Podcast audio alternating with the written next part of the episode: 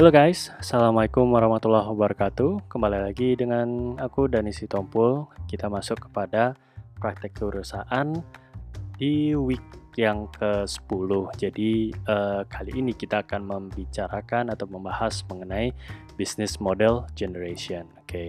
jadi uh, kita sudah uh, minggu lalu dan beberapa minggu sebelumnya kita sudah membuat value proposition canvas kita. Jadi uh, sekarang ini kita seharusnya sudah mengetahui customer segment kita plus value proposition atau value yang akan kita berikan kepada si customer itu sendiri.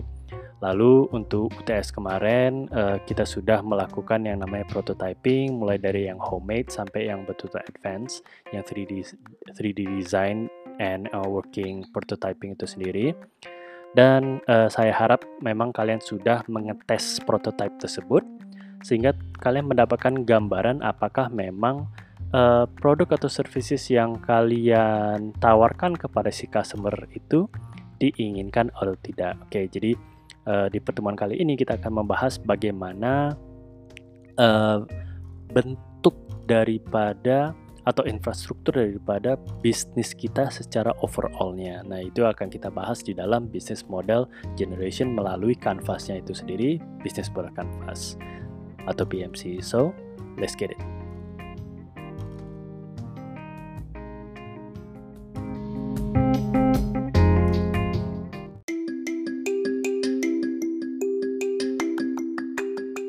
Oke, okay, jadi ada dua primary learning outcomes atau learning objectives yang akan kita coba uh, dapat di dalam pertemuan kali ini. Yang pertama adalah uh, mahasiswa atau kalian sendiri bakal memahami uh, eh, BMC itu sebagai tools dalam perencanaan suatu bisnis atau bisnis kalian itu sendiri.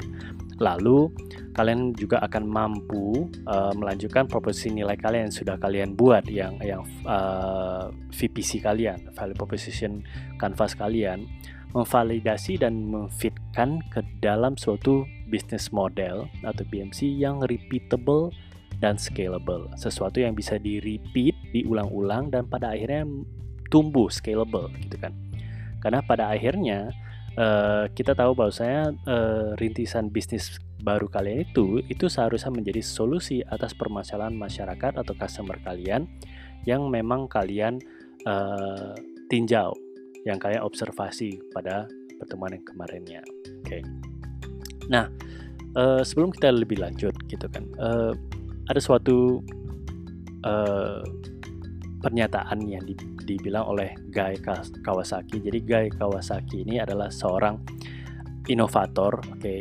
Khususnya dia itu dikenal sebagai inovatornya di dalam uh, perusahaan Apple sendiri. Jadi orang di balik Macintosh oke okay, uh, komputer Macintosh adalah Guy Kawasaki. Nah dia bilang seperti ini, seperti yang kalian sudah lakukan uh, prototyping itu. Nah uh, untuk sebuah bisnis dia itu bisa berhasil atau tidak itu bakalan sangat bergantung kepada prototyping yang kita lakukan. Di mana prototyping itu seharusnya kita bisa lihat sebenarnya apakah solusi yang kita tawarkan baik produk atau services itu memang diinginkan oleh si customer kita gitu.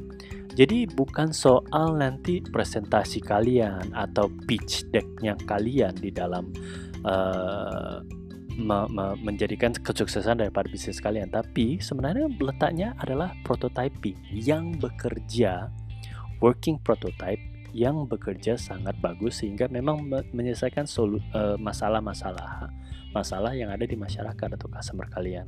Nah itu keep in mind. Jadi seharusnya uh, saya percaya sama uh, yang kalian lakukan kemarin itu di prototyping bahwasannya prototype kalian sudah memenuhi kriteria di mana menyelesaikan suatu masalah yang di yang ada di dalam masyarakat atau customer yang kalian bidik itu sendiri.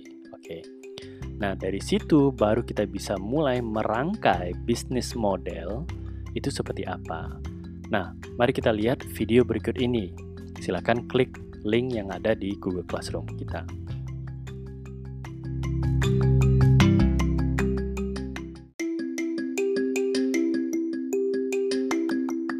Oke, Jadi, siapa di antara kalian yang kira-kira merasa seperti si Beth atau si Carl, gitu kan? Nah, eh, pastinya kan kemarin itu kalian sudah membentuk suatu ide, ya kan? Ide itu sayang, eh, saya rasa kalian pasti memikirkan, wah ini pasti ide ini bakalan bagus dan bisa diaplikasikan atau menyelesaikan suatu permasalahan yang di yang ada di masyarakat. Nah, eh, seperti yang di di video yang kita lihat sendiri bahwasanya ide itu bisa saja lahir banyak sekali. Oke, kita juga ngerasa bahwasannya ide itu bakalan menyelesaikan suatu masalah yang ada di masyarakat. Tapi supaya dia menjadi suatu bisnis yang sukses, belum tentu tidak cukup sebenarnya bukan belum tentu tidak cukup hanya sekedar memiliki sebuah ide yang brilian, yang bagus, yang sangat hebat dan sebagainya.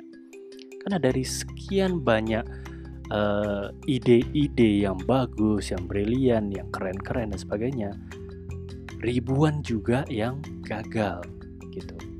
Karena kalian harus paham bahwasannya a great business idea itu belum tentu adalah sebuah uh, great business model.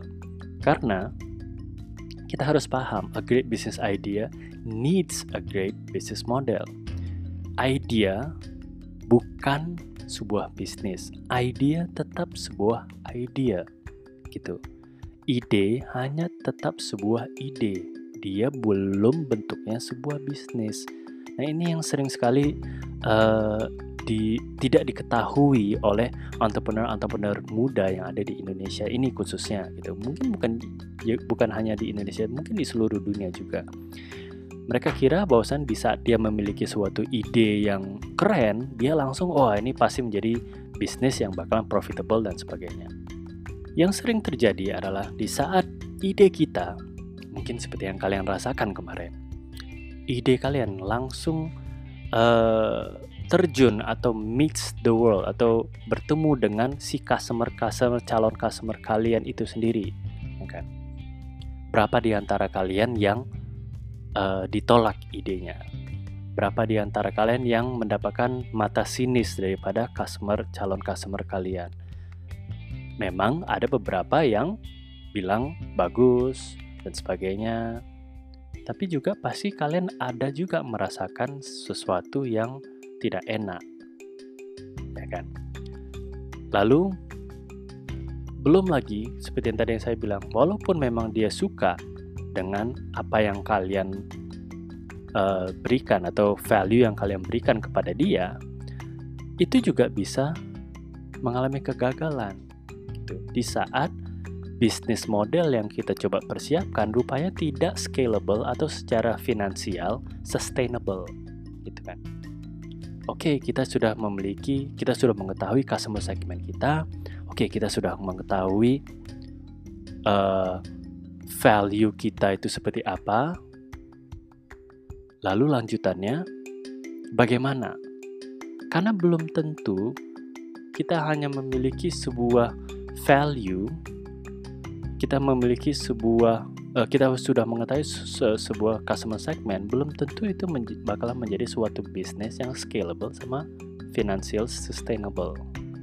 Kalau kita tidak mengetahui atau membangun sebuah channel dan infrastruktur yang tepat, pada akhirnya bisnis kita itu pada bisa collapse, bisa uh, runtuh. Belum dia growing sudah runtuh. Dan nah, itu yang yang yang uh, harus kita uh, pahami bersama dulu bahwasannya mungkin tidak semua ide yang keren-keren yang kalian miliki belum tentu bakalan menjadi suatu ide atau suatu bisnis yang akan berhasil. Ada proses selanjutnya. Nah, kemarin kan e, dari awal saya sudah bilang bahwasannya entrepreneurship ini adalah sebuah proses. Jadi jangan output atau hasilnya yang kita kejar, tapi nikmati proses-prosesnya itu sendiri. Jadi, bagaimanapun juga, however great your idea, failing is in it. Jadi, sebenarnya ide kalian seberapa besar, bagusnya atau sekeren apa pun, di dalamnya pasti ada kriteria-kriteria uh, fail atau failure di situ. Makanya nggak perlu takut nih teman-teman soal uh, failure itu sendiri.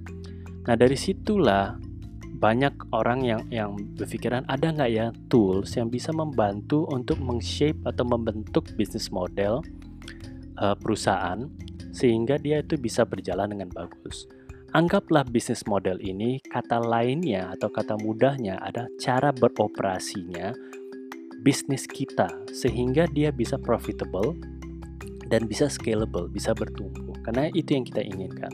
Kita nggak ingin bisnis kita hanya gitu-gitu saja. Sehingga uh, Alexander Osterweider bersama dengan uh, teman-temannya membentuk ada sembilan uh, building blocks di dalam bisnis model canvas. Oke, okay. kesembilannya ini akan membantu dalam hal uh, testing ide-ide kita, men-track progress-progressnya, sampai kepada kita bisa menghindari yang namanya uh, pemakaian modal yang terlalu banyak. Oke, okay. ingat kemarin kan saya sudah pernah bilang membangun suatu bisnis bukan seberapa banyak modal finansial yang kita miliki. Oke, dari nol aja sebenarnya bisa. Oke, jadi bukan berarti kita harus kumpulkan modal sebanyak-banyaknya dulu baru menjalankan bisnis. Bukan. Nah, bisnis modal Canvas ini akan membantu kita men-track itu semua sehingga kita tidak rugi pada akhirnya. Oke.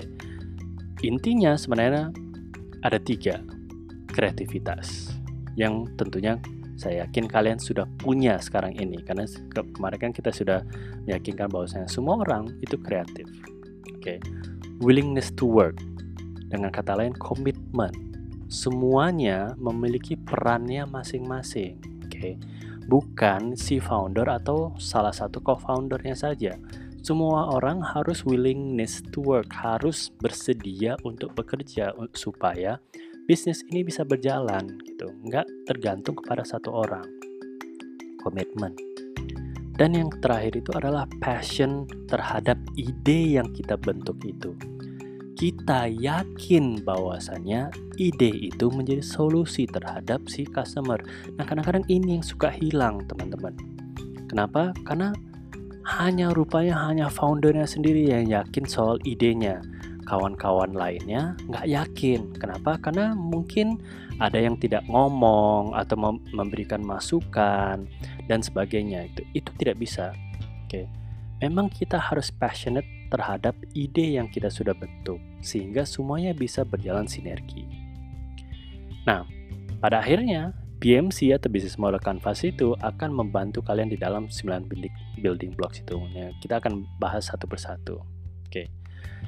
Sebenarnya bisnis model Canvas itu mendescribe bagaimana uh, suatu organisasi uh, suatu bisnis uh, berjalan secara organisasional, bagaimana dia uh, mendeliver suatu value atau mengcapture suatu value.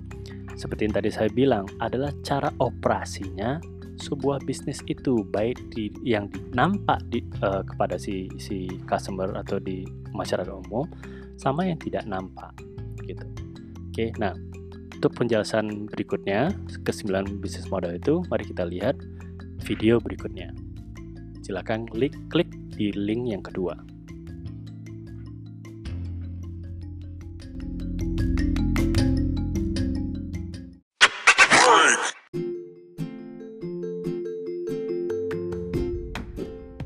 Kita masuk kepada sesi terakhir di dalam pertemuan ini. Jadi, setelah kita lihat Eh, video yang kedua itu kita bisa lihat ya ada 9 building, building blocks yang kita sudah ketahui bahwasannya tidak cukup hanya mengetahui satu ide atau suatu ide sehingga itu menjadi suatu bisnis nggak cukup dari itu makanya kita memerlukan sebuah tools di dalam uh, bisnis model canvas ini untuk membantu kita merangkai infrastruktur yang tepat sehingga kita bisa menjalankan bisnis kita itu secara operasional dengan baik dan benar itu sendiri.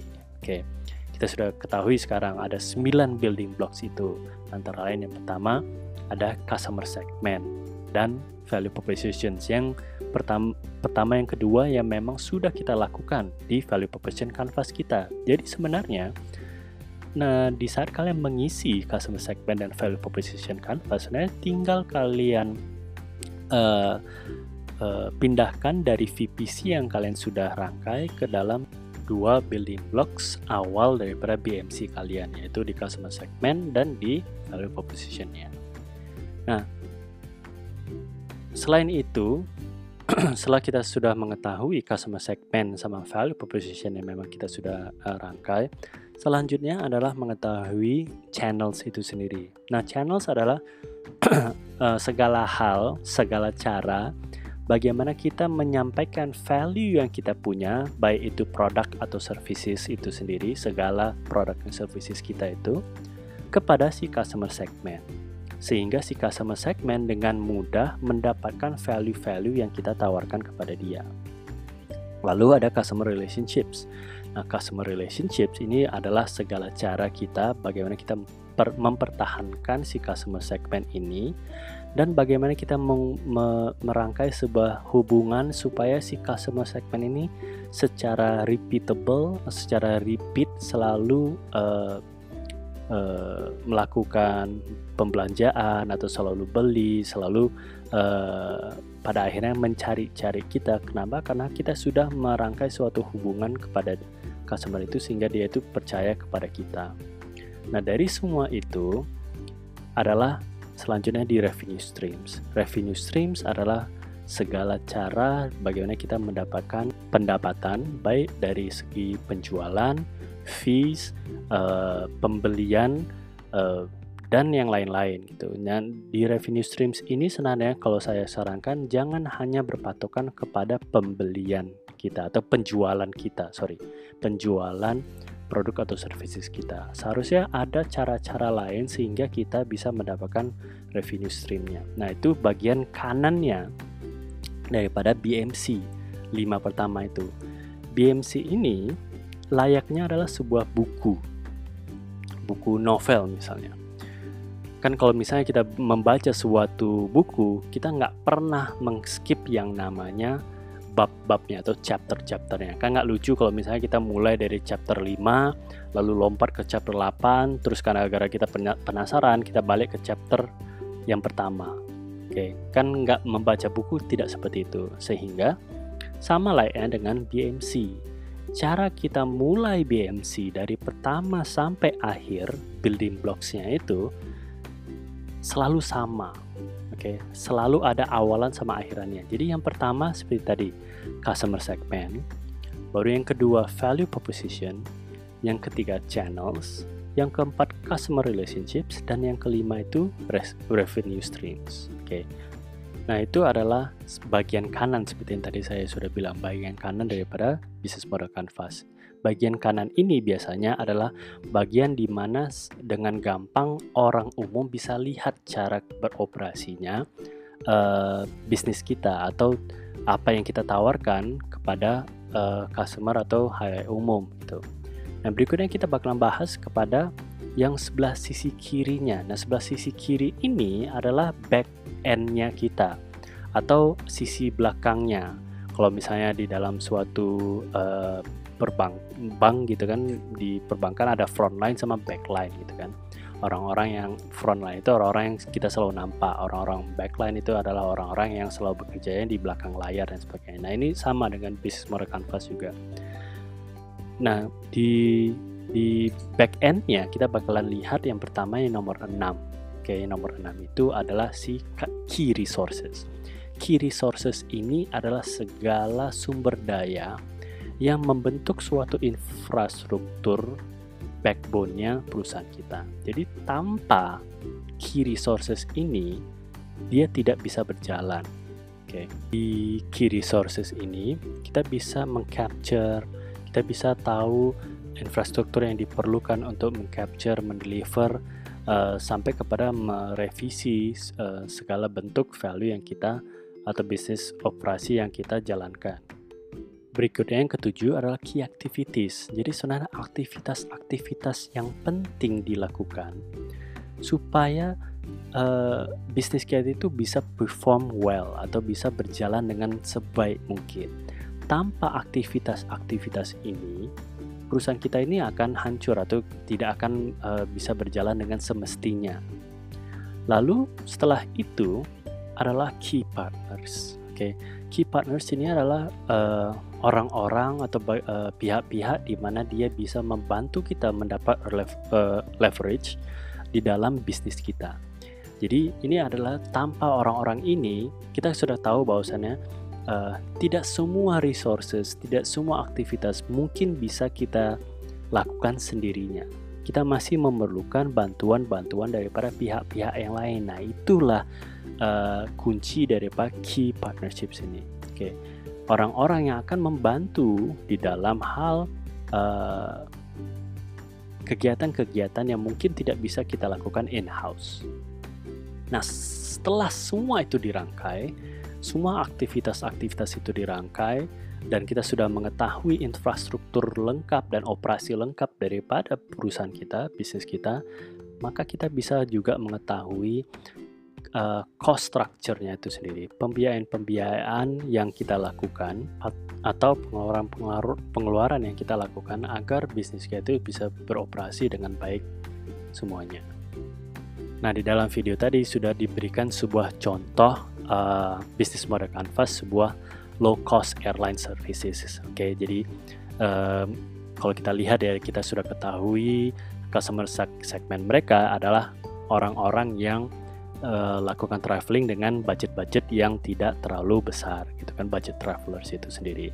Sehingga value yang mereka uh, luncurkan kepada kepada si customer segment ini adalah karena dia tahu bahwasanya budget travelers ini tidak mempunyai biaya terlalu banyak berarti dia menawarkan value-nya adalah cheap flights atau uh, apa namanya uh, penerbangan-penerbangan yang uh, murah yang di dalamnya tanpa ada segala sesuatunya. Kenapa? Karena seperti bagasi, seperti pemilihan mungkin asuransi, pemilihan uh, apa namanya seatnya atau kursinya itu ditambahkan atau mealsnya itu ditambahkan kepada uh, biaya-biaya lain. Makanya seperti yang tadi saya bilang, revenue-nya bisa saja jangan hanya bergantung kepada pembelian tiketnya. Nah, di sini kan dia bisa mendapatkan fees yang lainnya.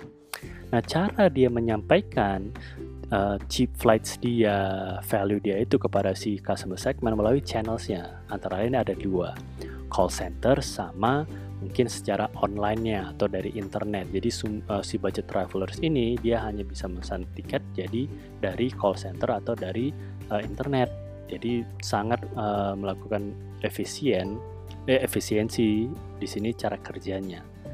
Lalu cara cara dia uh, membuat si customer-nya itu nyaman atau selalu kembali lagi, cara berhubungan di customer relationships adalah segala sesuatu, sesuatu pemesanan dia itu uh, semuanya automated atau secara otomasi.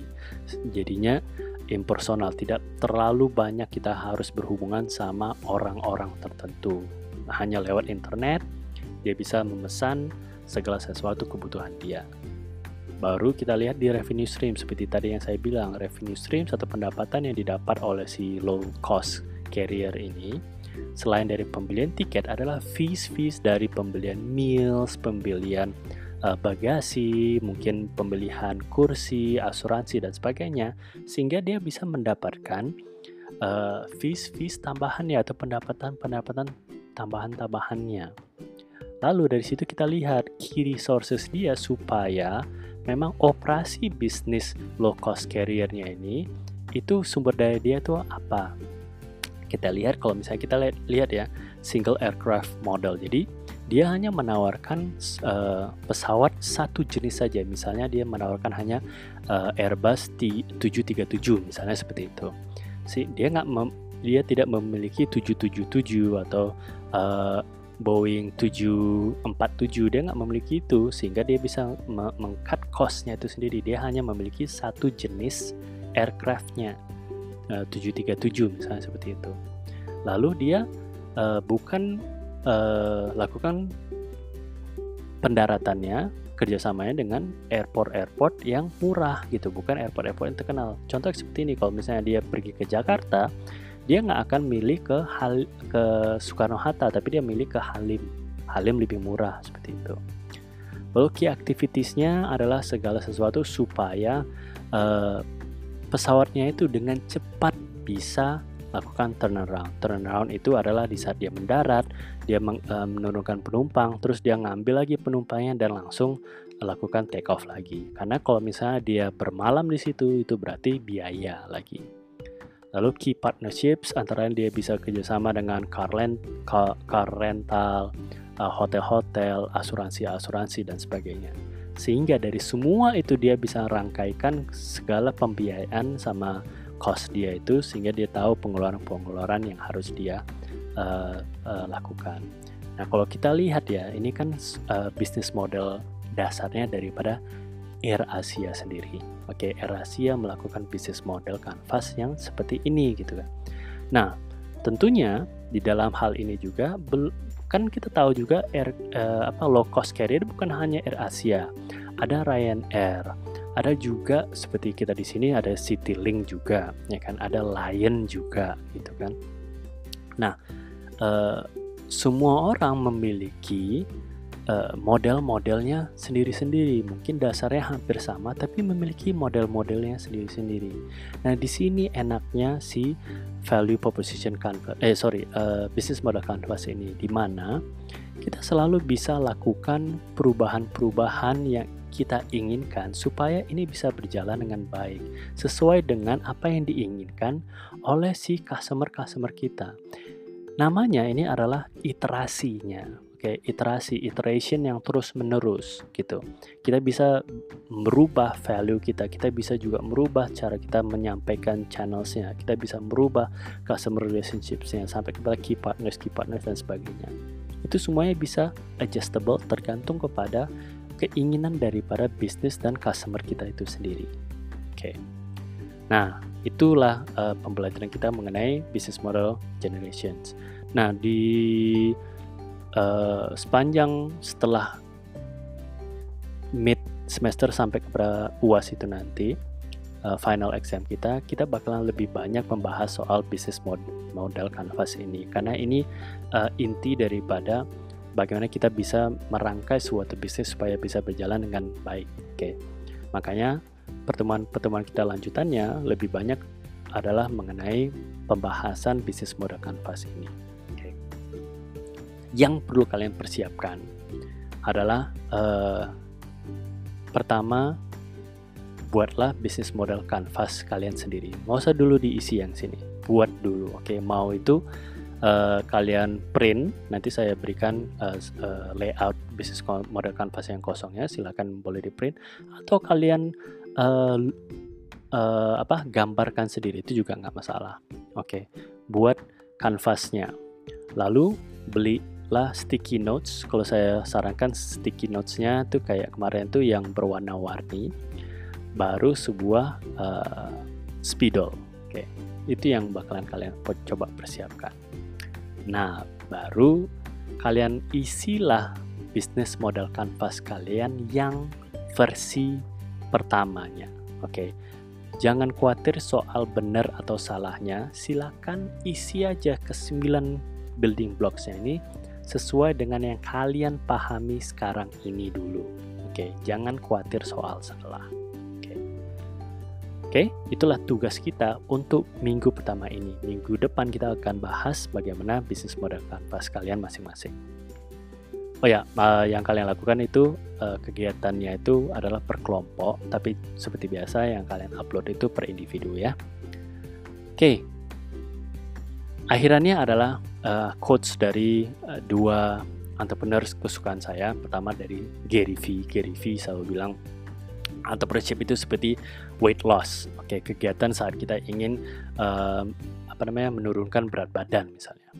Kalau ibaratnya uh, kita working out satu hari kita working out keras nih, habis itu kita juga menjaga pola makan kita dengan makanan-makanan sehat dan sebagainya gitu satu hari. Tapi itu nggak menjamin kita langsung mendapatkan badan yang kita inginkan, badan ideal yang kita inginkan sama halnya seperti entrepreneurship.